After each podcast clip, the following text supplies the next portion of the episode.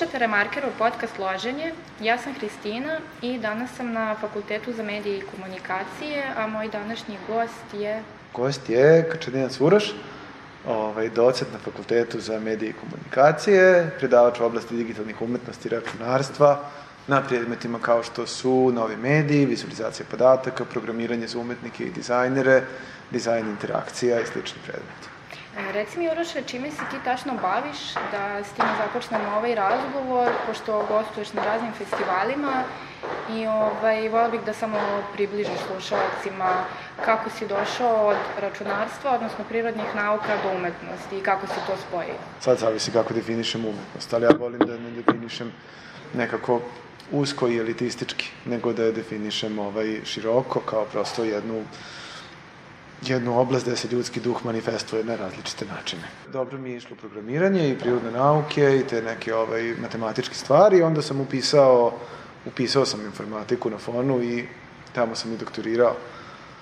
I onda sam nekako paralelno godinama uporedo razvijao s jedne strane taj neki zvanični posao ili ili praksu ili kako to već da zovemo na fakultetu, a s druge strane ovaj sam se bavio raznim stvarima, pisao, animirao, pravio animirane filmove, crta, mape i slično. I dobio sam prilike prosto tri, pre tri godine da, da spojim to i da to na neki način institucionalno integrišem na fakultetu za medije i komunikacije, na departmanu za digitalne umetnosti. I, I nekako mi se sve više sviđa ta oblast digitalnih umetnosti jer uspeva da u sebe obuhvati, obuhvati upravo taj jedan Gali Matijas, multimedijskog u kojem danas živimo.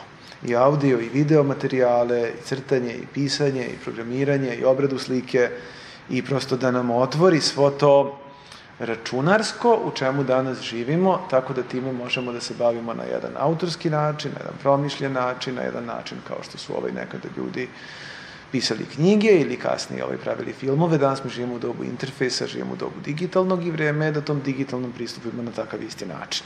To je nešto je, na primjer, Lev Manović rekao. Mislim da je zanimljivo da je 19. vek obeležio roman kao centralni oblik kulture, da je 20. vek kinematografija bila centralni oblik kulture, a da u 21. veku to je interfejs i da nam zato treba malo osmišljenije bavljenje interfejsom, ne samo kao jednim komodifikovanim alatom, nego prosto kao, kao interfejsom, kao načinom se izražava.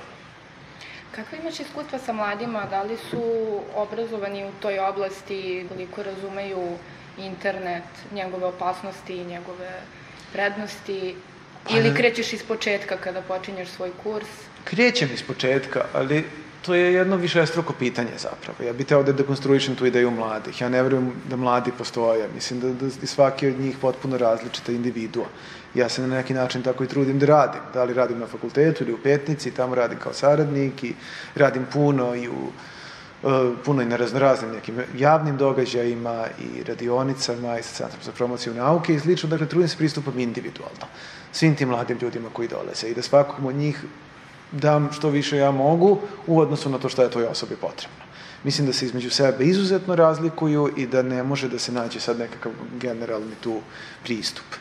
S druge strane, postoje neke zajedničke zamke i neki zajednički problemi, a jedan od tih problema je da mi se čini da većina studenta veruje da dobro poznaje tu tehnologiju, a da je zapravo ne poznaje i da su mnogo više objekti te tehnologije nego što su subjekti te tehnologije. Ono što je meni zadatak koji sam samom sebi nametnuo sa ovim predmetima, koji se svi manje ili više svode na pitanje kritičke i kreativne upotrebe tehnologije, je da pokušam da ih navedem na to da tehnologiju zauzdaju, da zajašu, da oni budu vladari te tehnologije, da oni s tehnologijom prave što oni žele, a ne da tehnologija od njih pravi što tehnologija želi.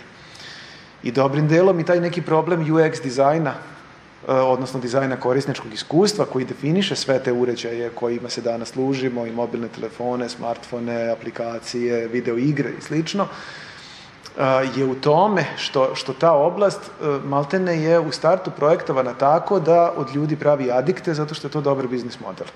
I prelako je danas da ljudi, posebno mladi ljudi, jer imaju slabije razvijan sensibilitet, kritičku svest i slično, to prosto dođe s vremenom, ovaj, upadnu u tu zamku i onda te aplikacije koriste predugo ili koriste nekritički ili koriste bez sposobnosti da se odvoje od tih aplikacija i negde Eto, ako bih jedan problem izdvojio, to bi bio taj. Kako da koristimo te tehnologije kao subjekti, a ne kao objekti. Da ih ne koristimo, da mi prosto budemo roba tih tehnologija, nego da te tehnologije budu alati naši kojima mi komuniciramo, kojima mi otkrivamo svet, kojima mi uh, podrivamo neke stvari koje nisu dobre, kojima mi preispitujemo stvarnost oko sebe, kao što to radimo filmskom kamerom. Ili diktafonom, ili bilo kojim drugim alatom, ono četkicom, ili olovkom, ili tušem, ili Pominjala sam e, jedan projekat koji si ovaj, mi pokazao prošle godine. E, radi se o botu e, koji se bavi poezijom, odnosno pravi svoju poeziju od tvari koje si, kojom si ga ti nahranio. U suštini, koliko se sećam, bio je Bajaga i Crnjanski. I još nešto je bilo. Dva da, to... brata velika domaće poeze. Da, ovaj, da. sam to u prvoj ovaj, sezoni uh, loženja kad je gostovala Maša Seničić i baš smo o tome dosta pričali i evo konačno si sada tu da nam ispričaš nešto više o tome, pošto nismo htjela da ulazimo u to dok ovaj, sam autor ne kaže. Pa baš lepo, hvala na tom pitanju. Mislim, to je onako Ako ste, ako ste anksiosni da objavljujete svoju poeziju ili svoje književne radove, onda napravite mali program koji to radi za vas, pa onda vi budete kustos toga što izbaci taj program, vi izaberete šta vam se sviđa, šta ne, i onda nekako pobedite tu anksioznost. Mislim, šalu na stranu, zapravo je, zapravo je igra dublja. Igra nije u tome da mi sad glorifikujemo tehnologiju, zato što ja mislim da je taj tehno to tehnofetišerstvo ili fetišiziranje tehnologije opasno, nego upravo obrnuto, da demistifikujemo to, da svedemo probleme savremene veštačke inteligencije na ono što one uistinu jesu, a to su problemi auto, automatizovane statistike i nekakve ono političke, korporativne, ekonomske zloupotrebe i upotrebe te automatizovane statistike i zapravo da preispitujemo medijske režime u kojima živimo. Kada ja pravim bota koji pravi nekakav tekst, Ja ne želim da kažem da će roboti zavladati svetom, zato što mogu eto da budu i umetnici, povrh svega što roboti drugo mogu da rade umesto ljudi, nego upravo suprotno želim da kažem. Želim da kažem da su ljudi neophodni u tom procesu, da su ljudi ti koji biraju koji sadržaj će da se da botu, da bot na osnovu njega nauči nekakve statističke pravilnosti. Ljudi su ti koji biraju koji od tih izlaza, onoga što bot izbaci, ćemo da rekontekstualizujemo nazad u književnost ili u umetnost ili u šta god već i da na neki način kroz ceo taj proces problematizujemo ono što su danas medijski režimi. Šta je danas glavna stvar u kojem živimo? Opšta kvantifikacija života i kvantifikacija svih medijskih sadržaja.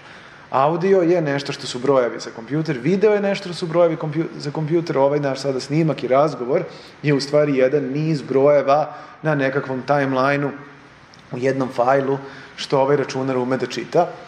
To imamo isto i za tekst, to imamo i za slike, za fotografije, rekao sam već za video i audio, dakle bilo koji danas medijski sadržaj koji ljudi proizvode za računar je jedan iz brojeva. I računar je od univerzalne računske mašine postao univerzalna medijska mašina.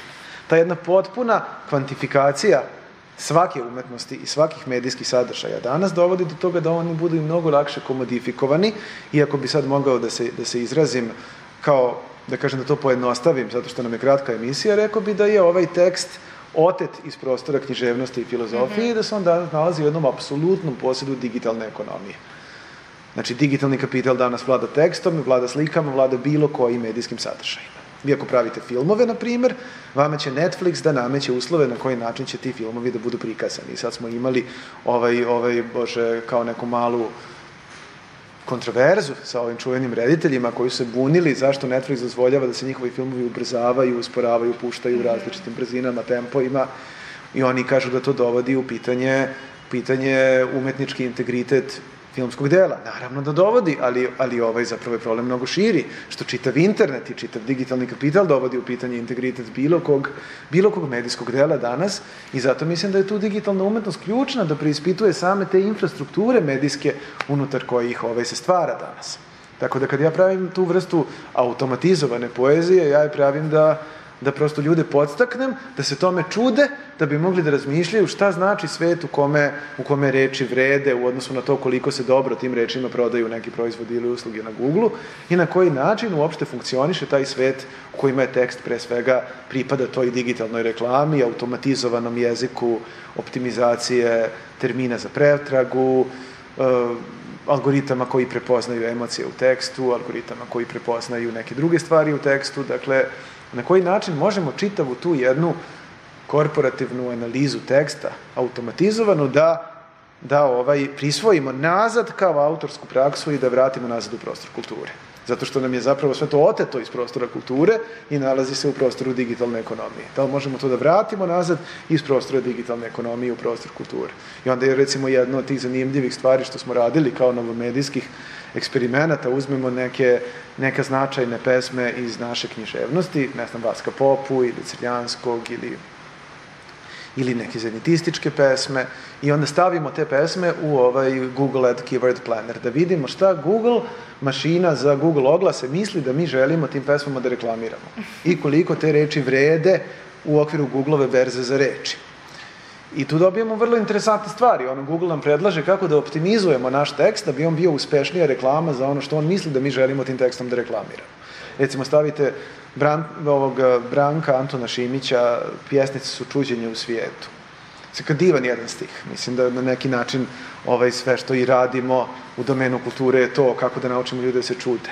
Ja pokušavam to na digitalnim stvarima da naučim ljude, kako da se čudimo. I stavite tu pesmu ovaj Googleovom tom algoritmu i vidite šta Google vama predlaže, kojim terminima da optimizujete tu pesmu. I koje vam on termine predlaže.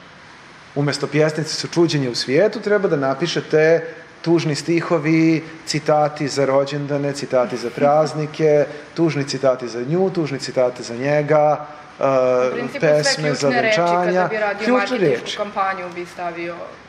Jeste.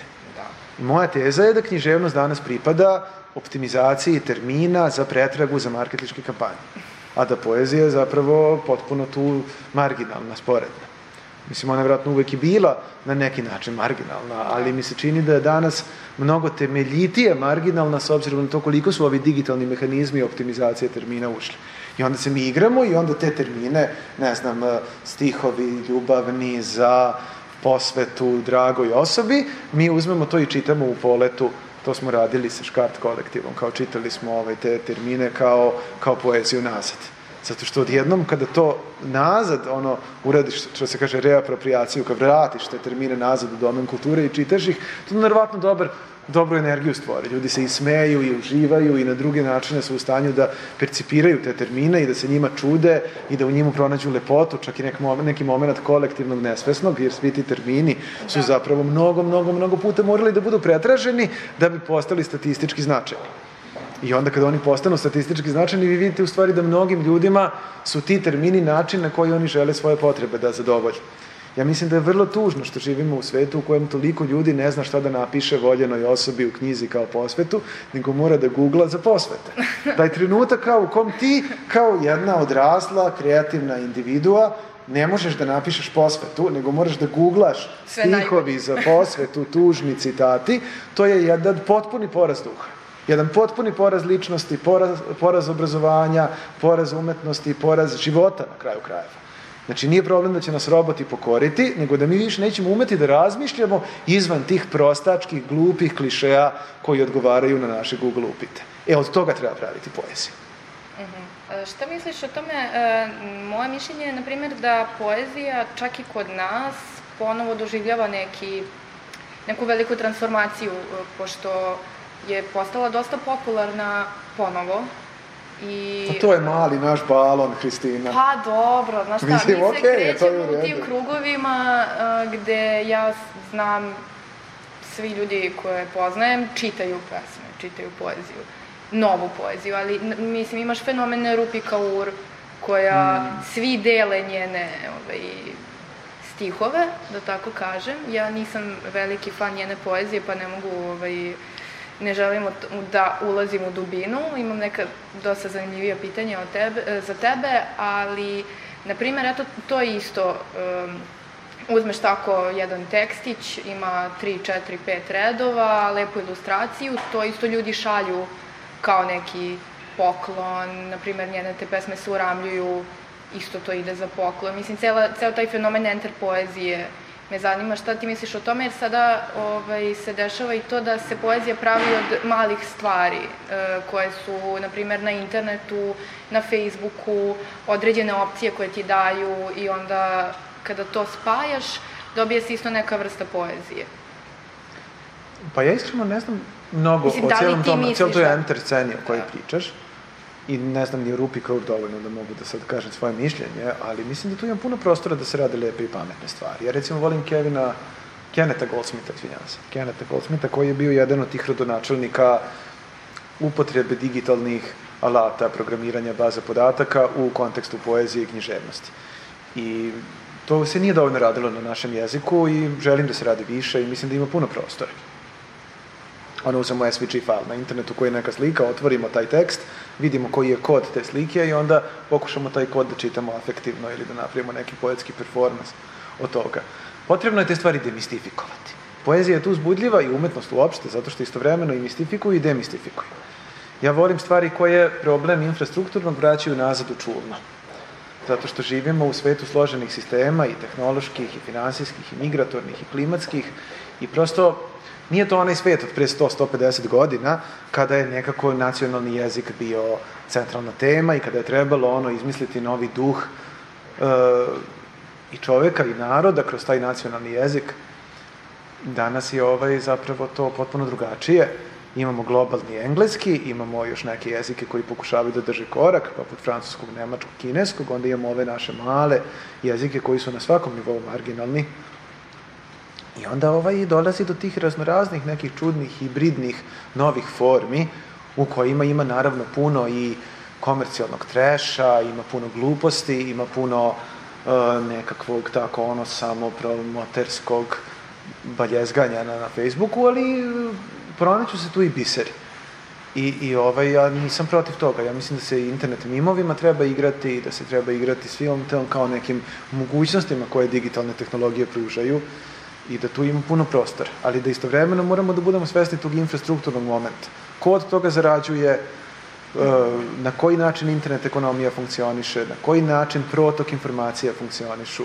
Mislim da smo svi mi, možda čak i ja, nekako temeljito nepismeni u pogledu svih tih infra, infrastruktura u kojima živimo.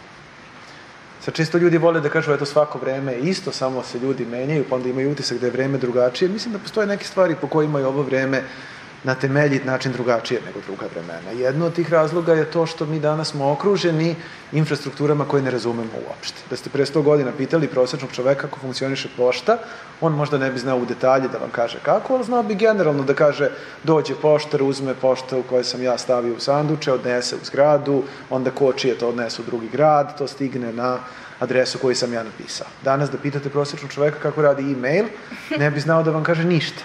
Ba ja ne znam telefon da updateujem koliko se menjaju modeli brzinom, ono, od kada su počeli smartfoni do sada je apsolutno meni nejasno kako je ta brzina ovaj, došla. Jeste.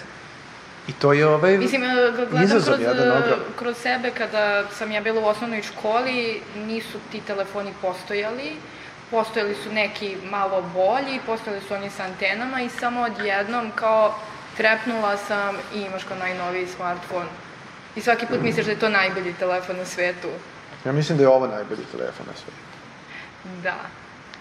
Ja nemam smartfon i evo sam pokazao jednu malu Nokia. Ovaj, najmanji telefon na svetu sa tastaturicom koji... Jel imaš kameru? Nemaš ni kameru? Nemam ni kameru. E. Pa preko 10 godina je star. Eto. Ovaj, traje mi baterija 7 dana i ne može da me dobije niko baš svaki put. I to je zapravo privilegija. To je ono što ljudima treba da objasniš. Imati ovakav telefon je privilegija. Teoretičar Adam Greenfield, koji se bavi tim ove digitalnim infrastrukturama, govori o, o informacijalnim sistemima kao o sredstvu za kolonizaciju svakodnevnog života. I prosto da se bavim nekim drugim poslom, rado sebi ne mogu ni da dozvolim da imam takav telefon. Ali to što kažeš koliko se to brzo menja, mislim šta ja tu vidim kao potencijalni izazov ili problem, a neću da kažem problem, ali jeste problem, što e, kada imate toliko slojeva te, te, te infrastrukture medijske, informacione oko vas koji ne razumete, vi, vi fundamentalno ne razumete odnose moći u kojima živite.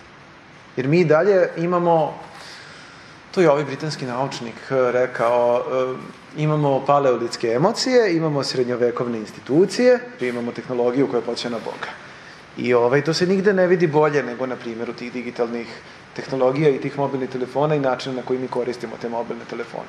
Znači imamo sad jednu globalnu kafanu Ništa ljudi na tim telefonima ne rade drugo nego što su vekovima radili po kafanama i nekim ono ćoškovima, trgovima, ogovarali, pravili spletke i slično, samo se sad to podiglo na globalni Da li misliš da su ti telefoni postali izgovor da ne sedneš sa nekim uživo? Pošto sam ja primetila da se ljudi sve manje viđaju i sve manje e, pričaju preko telefona. Ja, na primjer, volim da pozovem i da se onda ispričam i onda mi neko pošle poruku, piši mi. I onda ja, ja ne mogu da, da ono što želim da kažem, ne mogu da stavim u određeni broj karaktera koliko zahteva jedna poruka. To je 140 na smartfonu, isto kao i na Twitteru. Da, da. I ja ne mogu nikako da se ovaj, s ljudima iskapiram. Pitanje je ono, komunikacija između ljudi je teško, ljudi se teško skapiraju. Meni je uvek smešno bilo da gledam te reklame za telekomunikacijone kompanije gde oni uvek insistiraju na tome mi omogućujemo kom komunikaciju. S pomoć naše tehnologije vi ćete bolje komunicirati. Meni to uvek jako bilo smešno. Kao ljudi jako teško komuniciraju kao osnovni problem, ono human condition ljudskog načina, ono, uopšte kao neke osnovne osnovna humana univerzalija je da, da se jako teško komunicira i da neke naše emocije jako teško ih komuniciramo s drugim ljudima i da patimo i da smo jako često usamljeni i da smo sami izaći iz te čaure sebe preteško. I mislim da su nam ti telefoni samo dali još jedan, kako da kažem, još jednu iluziju da to nije teško. A to je izuzetno teško. Zato i postoji književnost na početku svega. Zato i postoji i umetnost, i mediji, i sve što postoji, što je negde manifestacija ljudskog duha, postoji zato što je izuzetno teško da se mi razumemo. Evo mi sad pričamo, ali i te reči koje ja koristim, koje ti slušaš, koje vi slušate na radiju, dragi naši slušalci. O, je radio. Pa radio, ja podcast je neka vrsta radio. To su opet neke vrste ono malih simboličkih štaka koje mi koristimo da se razumemo. I sad su te tehnologije nekako omogućile da to bude na nekom infrastrukturnom nivou jako brzo, ali zapravo na fundamentalnom nivou to teško kao što je uvek bilo. Potrebno je puno vremena da jedan odnos sazri, potrebno je puno veštine da se neka ideja kvalitetno oblikuje i tekstualno i vizualno i na bilo koji medijski način. Potrebno je prosto, prosto nije, nije tehnologija dovoljna. I mislim da polako sazreva i kod nas i u svetu ta ideja da tehnologija nije dovoljna i da neće rešiti probleme samo po sebi, nego da je potrebno da prosto mi razvijemo neke drugačije načine upotrebe te tehnologije i da vidimo šta, šta zapravo mi pravimo. Mi smo odgovorni za taj svet koji pravimo.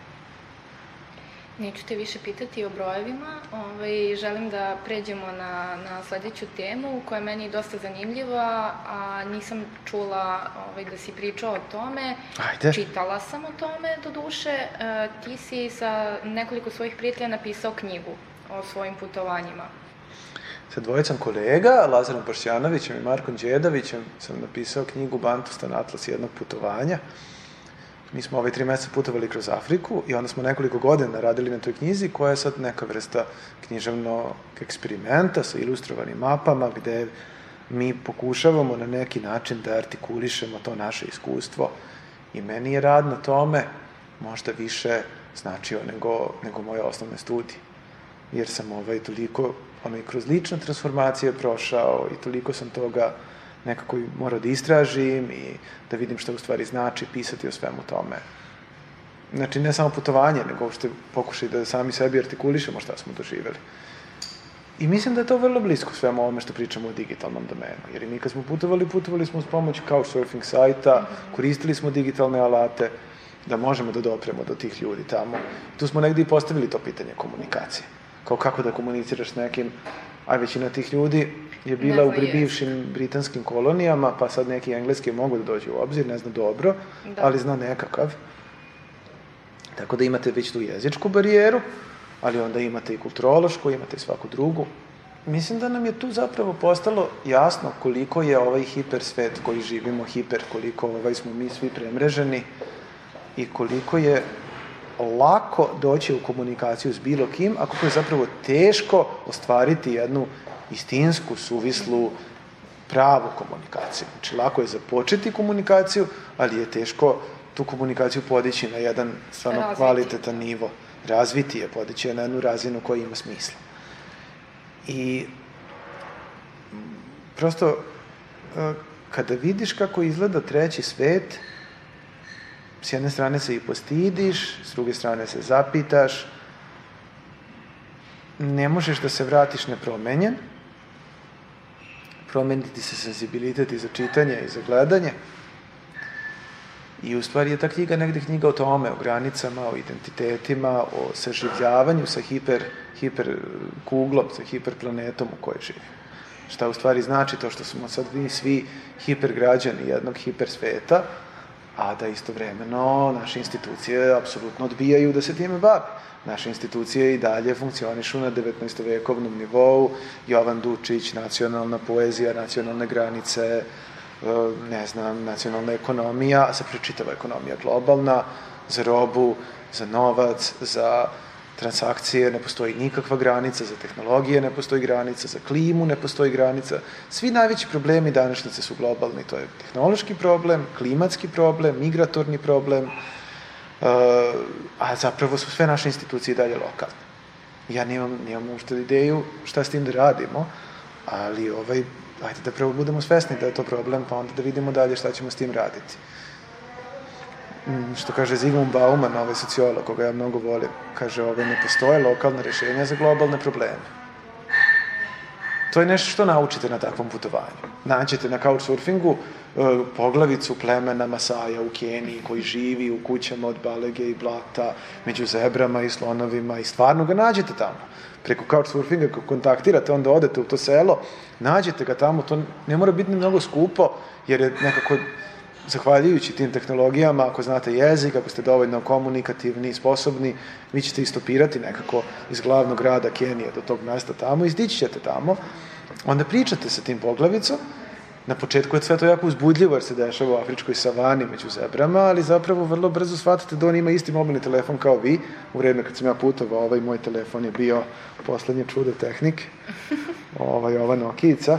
Takav isti telefon ima i poglavica I ovaj, onda shvatite koji on ima... prepoznavanja. Jeste, ali koje on ima probleme? On ima probleme to što treba da pomiri zavađene, ne znam, e, ljude koji su u različitim delovima njegovog sela žive, koliko će da koštaju krave, kako da obezbedi vodu za svoje selo, zato što nekvi lokalni tajkuni pokušavaju da skrenu vodotok, kako će da pošalje svoju decu na fakultet, ali želeo bi da oni i dalje ostanu u Masaji i da se vrate, da budu da njegov sin bude poglavica kad se kad završi fakultet. Mislim, ti problemi koje on ima su u stvari problemi nekakvog lokalnog šefa mesne zajednice koji bi imao neko i u, neko i u Srbiji, na Balkanu i malte ne bilo gde na periferiji, poluperiferiji globalnog ekonomskog sistema.